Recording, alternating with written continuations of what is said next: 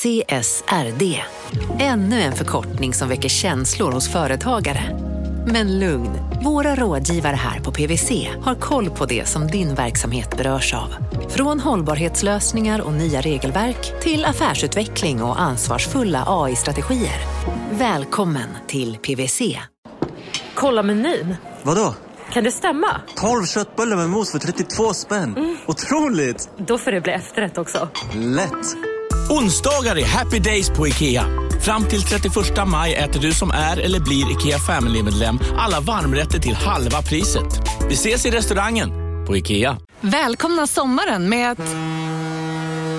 Res med Stena Line i sommar och gör det mesta av din semester. Ta bilen till Danmark, Tyskland, Lettland, Polen och resten av Europa. Se alla våra destinationer och boka nu på stenaline.se. Välkommen ombord!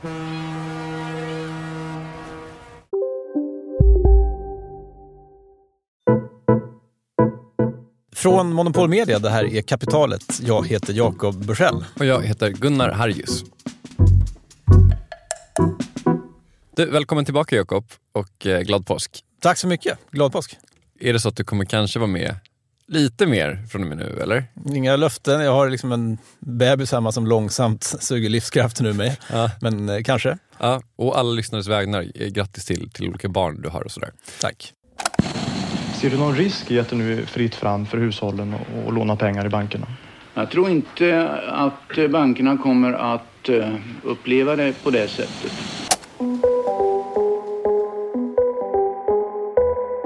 Vi tittar ju då och då på det här med eh, bostadsmarknaden eh, och det känns ju som en outtömlig källa till idéer. Jag tycker också det. Varje gång man pratar med någon på en bank om till exempel någonting som en obligation eller sådär så känns det som att man kan på något sätt höra den otroliga pessimismen eller vad ska man säga, liksom pragmatismen i rösten på dem. De är så här, ja, ja, ja, självklart kommer det en krasch inom en, en väldigt kort tid.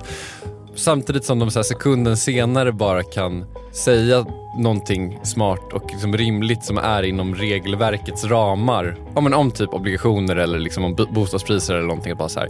Och sen så ser vi inom det närmsta kvartalet att utvecklingen kommer ske på det här sättet. Eh, det var fascinerande på något sätt. Ja, men det är lite som Nalle Wahlroos sa på Nordea att alla måste ju bo någonstans. Alltså i slutändan så måste man ju bara förhålla sig till det här. Jag tror det också. Men en sak är säker och det är att många som har pratat med minns ju verkligen inte den krasch som vi faktiskt har haft i det här landet i liksom vår livstid kan man säga. Mm. Trots att den kraschen är väldigt minnesvärd. Så säljaren ja, gick ju därifrån med, med en restskuld och jag vet att det var en skilsmässa inblandad också. Så att eh, det var, det var ju tragiskt också. Det du pratar om är såklart 90-talskraschen. Det är ju en tid jag har hört väldigt mycket om, även om jag av relativt naturliga skäl inte minns det. Jag är född 1991, så ja, det är inte så konstigt kanske. Nej, och jag var ändå kanske 10-11 år, men jag minns inte heller det här. Det var ingenting som vi pratade om hemma som jag kommer ihåg det. Men jag har pratat med folk som minns. Och det vi ska höra idag är en nyinspelning av eh, Kapitalets absolut första avsnitt från våren 2017. Det mest lyssnade avsnittet någonsin, ska jag faktiskt säga. Vi gör en tidsresa till en plats och en tid då det inte var självklart att en lägenhetsförsäljning var någonting att fira. 90-talskrisen. Efter det här. Vi sponsras av Storbrand Asset Management som ju förvaltar över 1000 miljarder norska kronor, bland annat för SPPs eh, många pensionssparare. För två år sedan så investerade Storbrand i drygt 60 tåg, alltså tågvagnar, eh, som rullar mellan London och Skottland. De leasar sedan de här tågvagnarna till tågoperatören som alltså kör tågen och säljer biljetter och sånt eh, med ett avtal på 27 år. Så britterna får nya fina tåg och Storbrands kunder, eh, däribland alltså SPPs pensionssparare, får en inflationsskyddad avkastning med låga risker under lång tid. Det här är ett av supermånga exempel på hur pensionskapitalet i växande omfattning bidrar till att bygga samhället och inte minst till att klara klimatmålen. Det behövs elproduktion, elnät, batteriparker, nya transportlösningar och allt möjligt. Bara i Europa antas investeringsbehovet för att klara klimatmålen uppgå till tusentals miljarder dollar. Och det här är ju pengar som ganska ofta saknas i statsbudgetarna. Däremot är det här pengar som pensionsbolagen kan vara med eh, och stoppa in, vilket ger pensionsspararna en fin avkastning under lång tid samtidigt som man är med och ställer om samhället. Vi har gjort ett helt avsnitt om det här eh, som man kan lyssna på. Det publiceras här i Kapitalet i mitten av maj. Ratta gärna in det om ni vill lära er mer om hur det här funkar. Men tack säger vi till Storbrand Asset Management som ju investerar i alla tänkbara tillgångslag, bland annat för pensionsbolaget SPP. Och tillsammans försöker ju vi, Storbrand och SPP, öka medvetenheten om hur pensionerna funkar och vilken roll pensionerna spelar i samhället och i ekonomin.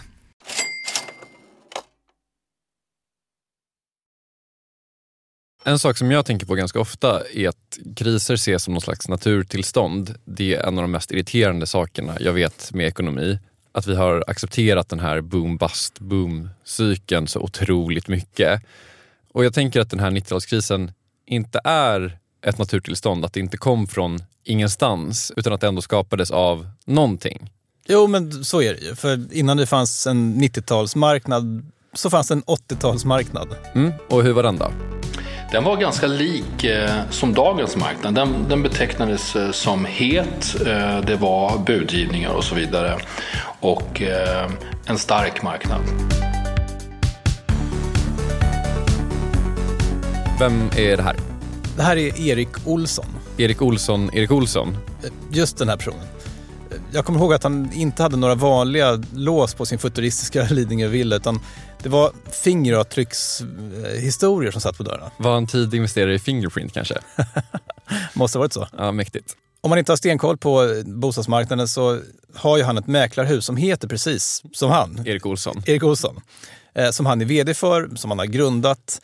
Och det här gör att han har väldigt, väldigt bra koll på hur det här med bostadsmarknader fungerar. Han har hållit på väldigt länge och att han började i branschen det var genom att mina föräldrar sålde sitt hus 1985 i Kälvesta. Då satt jag med vid köksbordet och fick visa huset. Du fick visa huset? Ja, mäklaren behövde hjälp vid visningstillfället så då sa min mamma att Erik kan ta det där. Jag tyckte det verkade vara världens enklaste yrke. Man skulle dela ut lite lappar och sen skulle man säga att ja, det här är vardagsrummet och det här är köket. Så jag tyckte det där verkar ju ganska enkelt. På den här tiden ska man säga så var det också mycket lättare att bli mäklare än idag. Och bara det säger kanske någonting om vilken skjuts som bostadsmarknaden har fått. Och Erik Olsson han kom ut som nyexad mäklare på 80-talet. Jag känner igen faktiskt rätt mycket av vad de sa då eh, mot idag. Man sa eh, i stil med, då jag jobbade i Stockholm och då sa man att eh, ja, de här priserna i innerstan till exempel, de kan ju aldrig gå ner. För det är så stort intresse för att bo i Stockholms innerstad och folk flyttar till Stockholm och så. Så att eh, man hade en inställning att eh, prisnivån var mer eller mindre garanterad. Jag har en känsla av att man hade fel då kanske också att man har fel nu om jag ska vara ärlig. Ja, om vi börjar med nu så har ju priserna gått ner lite sen Erik Olsson sa det här. Men de har ju någonstans också återhämtat sig igen. Ja, om vi tar 80-talet så höll ju inte det i sig för alltid heller. 80-talet är fascinerande ur ett ekonomiskt perspektiv tycker jag. Ja, Sverige hade varit otroligt reglerat men sen hade Riksbanken slutat bestämma vad räntan skulle vara och när alla de här avregleringarna kom på 80-talet så liksom exploderade marknaden. Utlåningen ökade jättemycket och som det verkar funka med utlåning i Sverige så hamnar de här pengarna i fastigheter och bostäder. Så höjde Riksbanken dagslåneräntan till 24 procent i ett försök att stoppa till det svenska valutautflödet. Är inte Riksbanken beredd att gå när det gäller, när det gäller eh, att försvara kronans ställning? Vi kommer alltid att försvara den. Har du något mer att tillägga kring hur 90-talskrisen kom till? Nu minns jag inte det här begreppet, eh, men det var ju dramatiskt eh, liksom andra halvan av 80-talet eh, när Socialdemokraterna avreglerade kreditmarknaden och konsekvensen var att det blev mycket, mycket, mycket billigare att låna pengar. Det var mycket mer pengar i omlopp. Och det här var inte svenskarna vana vid och plötsligt så kunde man investera här i fastigheter. Och, ja. Ja men kort sammanfattat så kan man väl säga att man, och med man menar jag Bengt Dennis och Kjell-Olof Fält, släppte utlåningen fri och bankerna lånar ut massa, massa pengar till olika finans och fastighetsbolag och priserna rusar. Det är i den här tiden som Erik Olsson kommer ut på marknaden och det går superbra. Ja, 89 och eh, första hälften av 90 så var det en, en stark marknad. Här kan man ju ana ett men. Det kan man. Sen hände någonting dramatiskt. Jag tror att det var september 90 som Saddam Hussein gick in i Kuwait och hela världen började bli orolig. Och sen så eh, kom det ju då också fram att Sveriges ekonomi var i riktigt dåligt skick. Man gjorde politiska förändringar i samband med detta Och sen så var det riktig nedförsbacke för Sveriges ekonomi och för bostadspriserna. De här bostadspriserna som aldrig kunde gå ner gick ner ungefär 50 procent på två år. Hur, hur var det? Ja, det var ju naturligtvis oerhört dramatiskt och, och att jobba som fastighetsmäklare då, eh, det var antingen att bestämma sig för att 70 timmars arbetsvecka var en helt okej okay arbetsbörda eh, eh, liksom, och eh, att älska sitt yrke. Eh, och gjorde man det, då kunde man faktiskt tjäna pengar eh, rätt så okej okay, under de åren. Men valde man att eh, inte göra det så hade man nog väldigt, väldigt knapra år. Det var många som slutade som fastighetsmäklare också. Ja, Erik Olsson kan vi gissa utifrån att hans mäklarfirma är en av de största idag. Han valde alternativ 70 timmars veckor. Det gjorde han. Och det här var en speciell tid. 1990 så ställer finansbolaget nyckeln in sina betalningar och Sveriges finanskris får anses vara igång. En vecka senare slog Riksbanken till med otroliga 500 procent sen valutautflödet återigen hade tagit fart. Det var en marginalräntehöjning som skulle göra det dyrt för de kortsiktiga spekulanterna. Det skulle belöna de som trodde på kronan. Och vi fick en omedelbart respons i marknaden. På 40 minuter så hade vi en mycket betydande inflöden av valuta. Och mitt i det här sitter en person som heter Anders Rockström och funderar på att skaffa sig en bostad. I början av 90-talet så pluggade jag och min nuvarande fru. Och eh, vi hade en hyresrätt inne i stan, en etta. Och började då inse att men det här blir ju för trångt. Det här går ju inte utan vi måste börja titta på, en, vi måste titta på någon annan typ av bostad. Det var ju lågkonjunktur då. Det var ju eh, ganska, ganska deppigt. Jag kommer ihåg man pluggade och tyckte att men hur ska det här gå? Ska man få något jobb och vad, vad händer egentligen? Finns det någon framtid? Men ja, vi, vi tragglade på och började, började titta i alla fall. Liksom, bostaden måste vi lösa. Liksom. När Anders och hans fru började leta så uppstår ett idag nästan otänkbart scenario. Marknaden är i fritt fall och de har lite pengar undanstoppade. Så vi började med att leta smålägenheter i ja, närförort, Årsta, Älvsjö. Det var två och en halv klassiska. Två och en halv. Sen eh, ja, gick tiden och börs, framförallt börsen började gå upp och priserna började gå ner ännu mer. Så då blev det treor och sen blev det tvåor i innerstan. Och sen blev det treor i innerstan vi började titta på. Och det här var väl en period under, under två år. Och helt plötsligt upptäckte vi, det här var våren 93, så upptäckte vi, men vi har ju pengar att köpa ett hus. Och det var helt, ja, det var helt konstigt, för vi var inte där mentalt.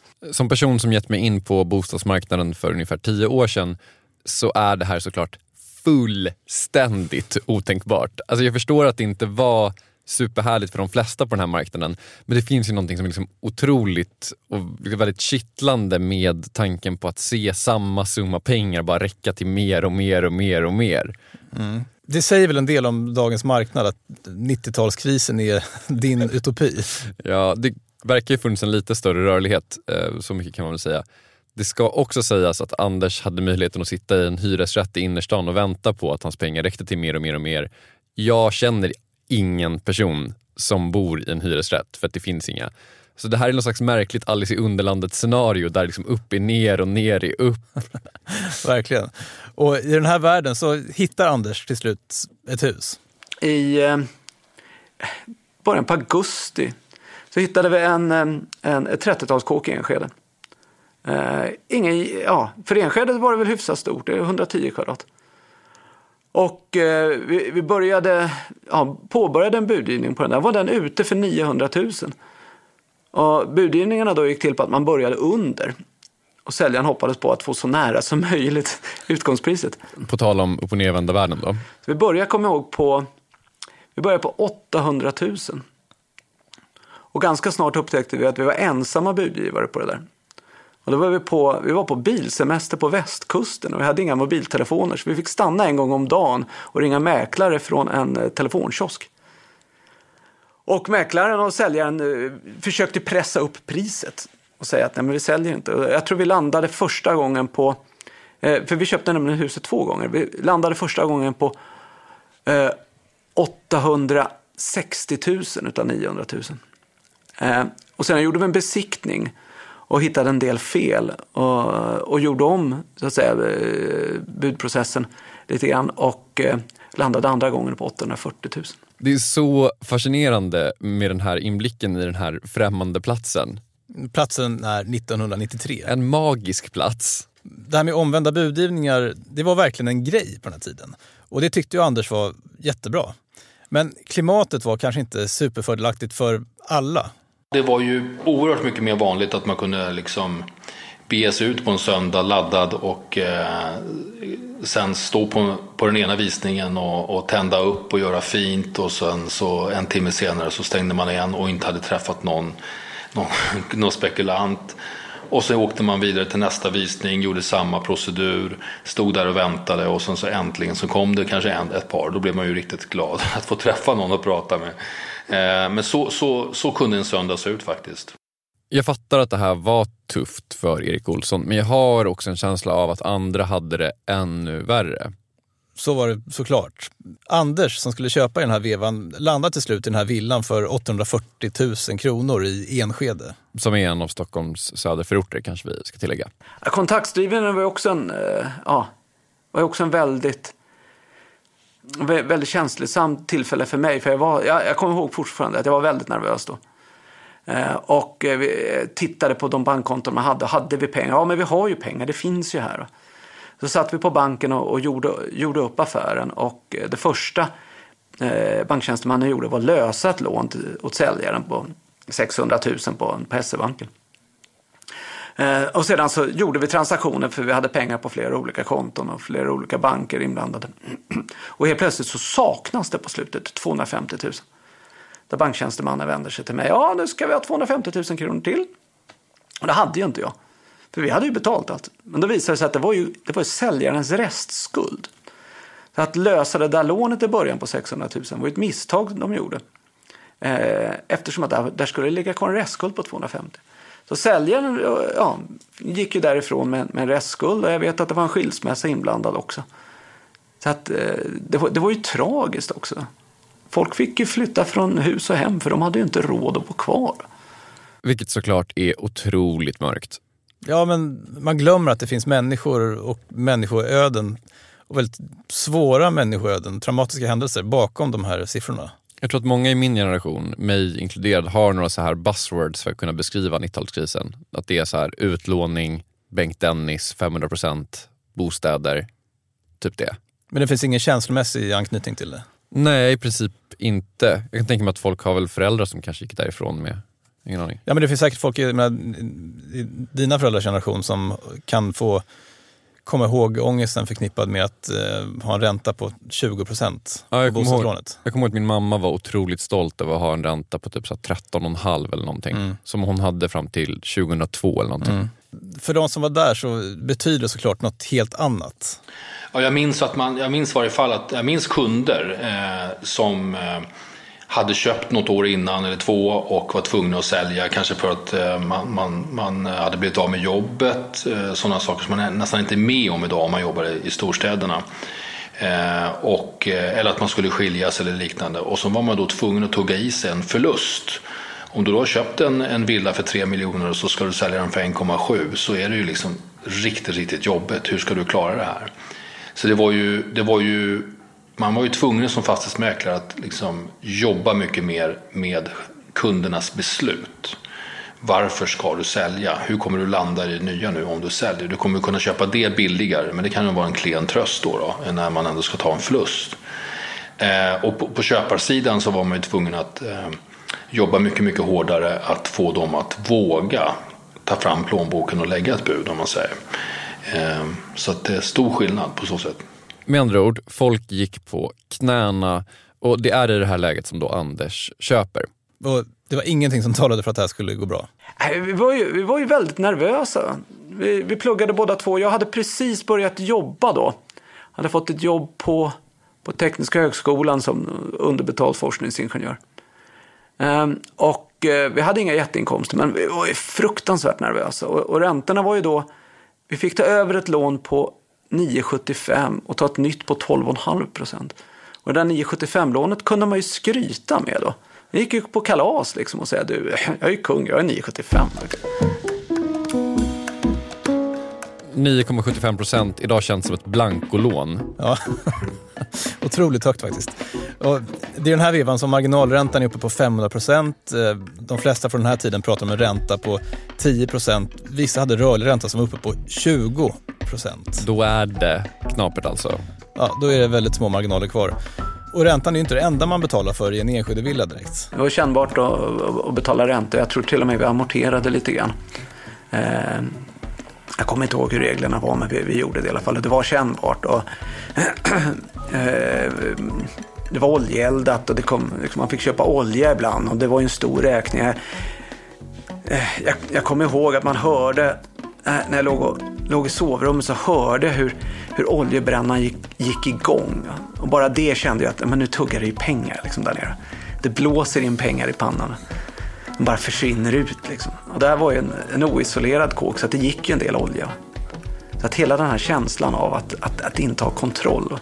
Åh, vilken ångest. Ja, fruktansvärd ångest alltså. Och låg ändå och tittade upp i taket. Ja, oh, gud. Verkligen stor panik. Men hur gick det för Anders? Ble, blev han en av de här som var tvungen att sälja huset till, till förlust? Vi får höra det, men efter det här.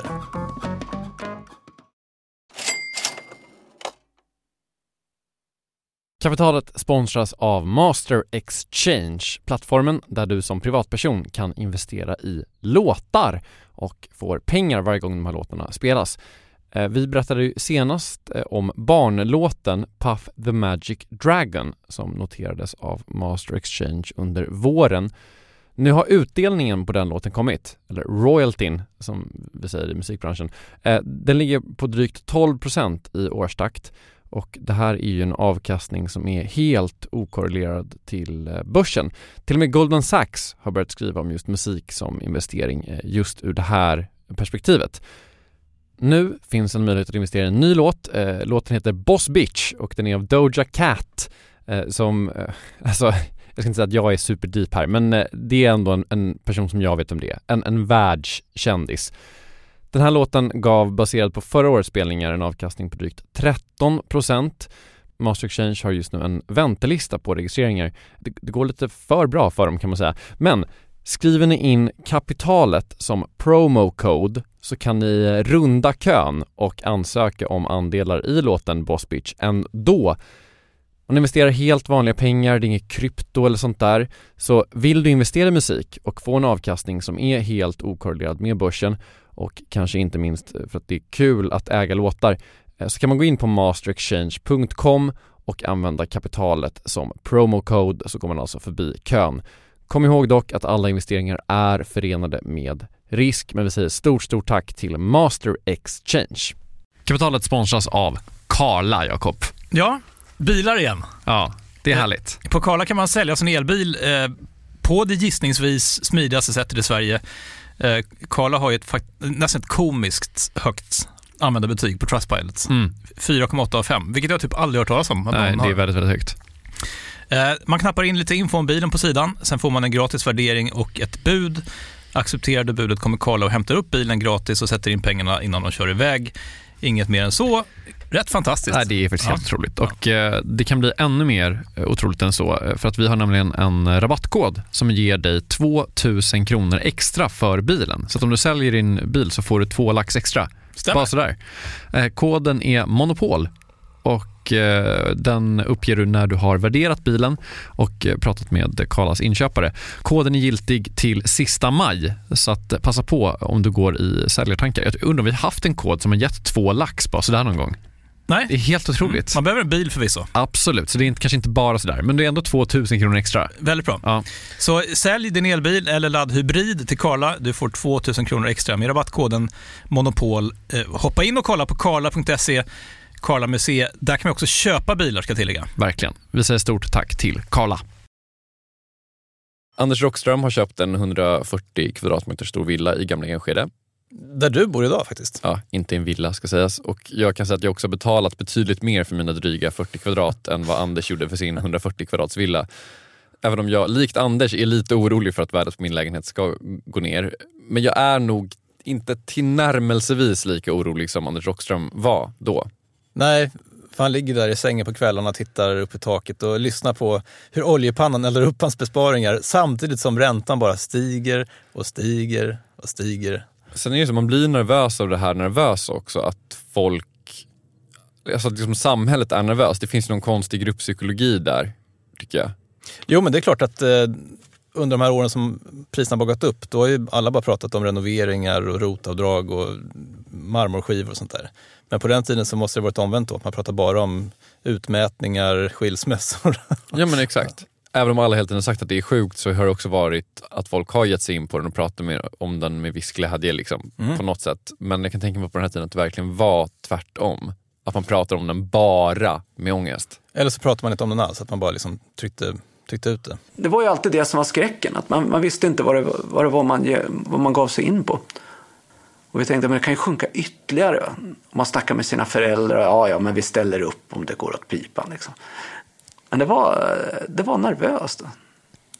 Eh, och vi, vi satt och tittade på, vi köpte då i, i gamla Enskede och det finns ju en del som heter Enskedefältet. Och där var ju kåkarna nere då på 600 000. 600 000 låter väl inte som en skräcksiffra för en liten villa för många av våra lyssnare kan jag tänka, om man bor utanför Stockholm. Men jag kan säga att idag så får du vara beredd att hosta nästan 10 miljoner för 140 kvadrat på Enskedefältet. Vilket är förstås galet åt andra hållet. Det kan man eh, verkligen säga. Okej, sanningens ögonblick. Hur gick det då för Anders? Kunde han bo kvar? Han kunde det. Både han och hans fru fick jobb och ganska snart så såg de faktiskt ljuset i tunneln igen ja, det gick nog något år innan vi liksom, man upptäckte att ja, men det kommer in inkomster från arbetet och vi klarar av att betala där. Och det var inte tajt på något men det var, själva känslan var nervös. Vi var, ja, jag var, jag var 20, 27 var jag då. Men okej, när, vi liksom, när du har hört den här tillbakablicken igen, det här är ju andra gången du hör den, du har ju också pratat med de här personerna. Alltså, finns det någonting som du känner är så här, okej det här har vi ändå lärt oss eller det här har vi inte lärt oss fortfarande? Tycker du att den här tillbakablicken säger dig någonting? Ja, men, å ena sidan så kan man säga så här att minnet är kort och så vidare. De, den nya unga bortskämda generationen känner inte till hur svårt det kan vara och eh, vi, vi liksom bara kastar oss in i bostadsmarknaden utan liksom några skygglappar överhuvudtaget. Å andra sidan så är det här med bostadspriser någonting som jag pratat om utan uppehåll i många år. Jag tror att de flesta som köper en lägenhet ändå någonstans i bakhuvudet eh, har en lite, liten obehagskänsla eh, för man vet att det här kan också gå åt pipsvängen. Man tänker på den här liksom vintern i Game of Thrones som, som man bara läst om i någon gammal så här, släktkrönika. Som man vet kommer men inte riktigt vågar tro på ska komma. Nej, samtidigt som du måste faktiskt bo någonstans också. Ja, man måste ju bo någonstans. Samtidigt som det finns ju någonting som är sjukt. Jag tänker att det kanske säger någonting om också det samhälle vi byggt snarare än, hela, än, än bara bostadsmarknaden. Att alla är fullt medvetna om att de ger sig in i någonting som förmodligen är en bubbla. Alla pratar om det som en bubbla, politiker pratar som en bubbla. Mäk, alltså herregud, Erik Olsson pratar ju om det som en bubbla. Men ändå så måste man ge sig in i bubblan om man ska ha någonstans att bo. Det är ju det är ett sjukdomssymptom tycker jag. Och en sorglig omständighet tycker jag att de som kanske har farit mest illa i den här utvecklingen, det är de som har varit skeptiska och stått vid sidan om. Det, Ja. det, det finns det här gamla uttrycket från aktiemarknaden att eh, the fools are dancing but the greater fools are watching. Det är verkligen sant. att så här, Man har ju haft en känsla, jag tror att många i min generation har haft en känsla av att det hela tiden varit precis för sent för att ge sig in på bostadsmarknaden. Men att det har inte varit det på 20 år ungefär. Men att man hela tiden har haft den här oron som varit så här oj nu känns det riktigt jobbigt att köpa för 50 000 kronor kvadratmetern. Oh, nu känns det riktigt jobbigt att köpa för 70 000. Fan, nu, vi har missat det här tåget. Det kommer ju aldrig stiga så mycket igen. Och det tycker jag säger någonting intressant om liksom hur bara psykologi funkar, grupppsykologi funkar. Ja, man kan säga att i, i, eh, i, eh, på Kungsholmen, Södermalm, Vasastan så kostar de ungefär 10 000 kronor per kvadrat. Och när jag berättade för våra unga härliga mäklare på, på kontoret idag så säger de Herregud Erik, varför köpte du inte 27 stycken när, när det var så otroligt lågt? Eh, och då försöker jag förklara för dem att, att 10 000 kronor per kvadrat då upplevs lika jobbigt att köpa då som det upplevs att, att köpa samma bostad idag för kanske 80 000 per kvadrat eller 100 000 per kvadrat. Eh, och det har ju att göra med förutsättningarna.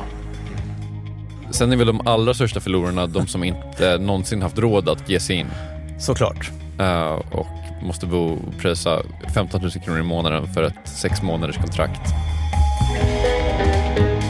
Med det är kapitalet slut för idag. Kapitalet består av dig och mig, Jakob Bursell, Gunnar Harjus samt av Åsa Secker. Kristoffer Krook har gjort eh, dagens slutmix. Eh, vill ni oss någonting, till exempel eh, vinna en cykel eller tipsa om någonting som ni skulle vilja höra i framtiden, mejla mig på gunnar.kapitalet.se. På Instagram heter vi Kapitalet, på Twitter heter vi Kapitalet Radio. Där är ni också otroligt välkomna att höra av er. Nästa vecka är vi tillbaka med ett helt vanligt nytt avsnitt. Hej då!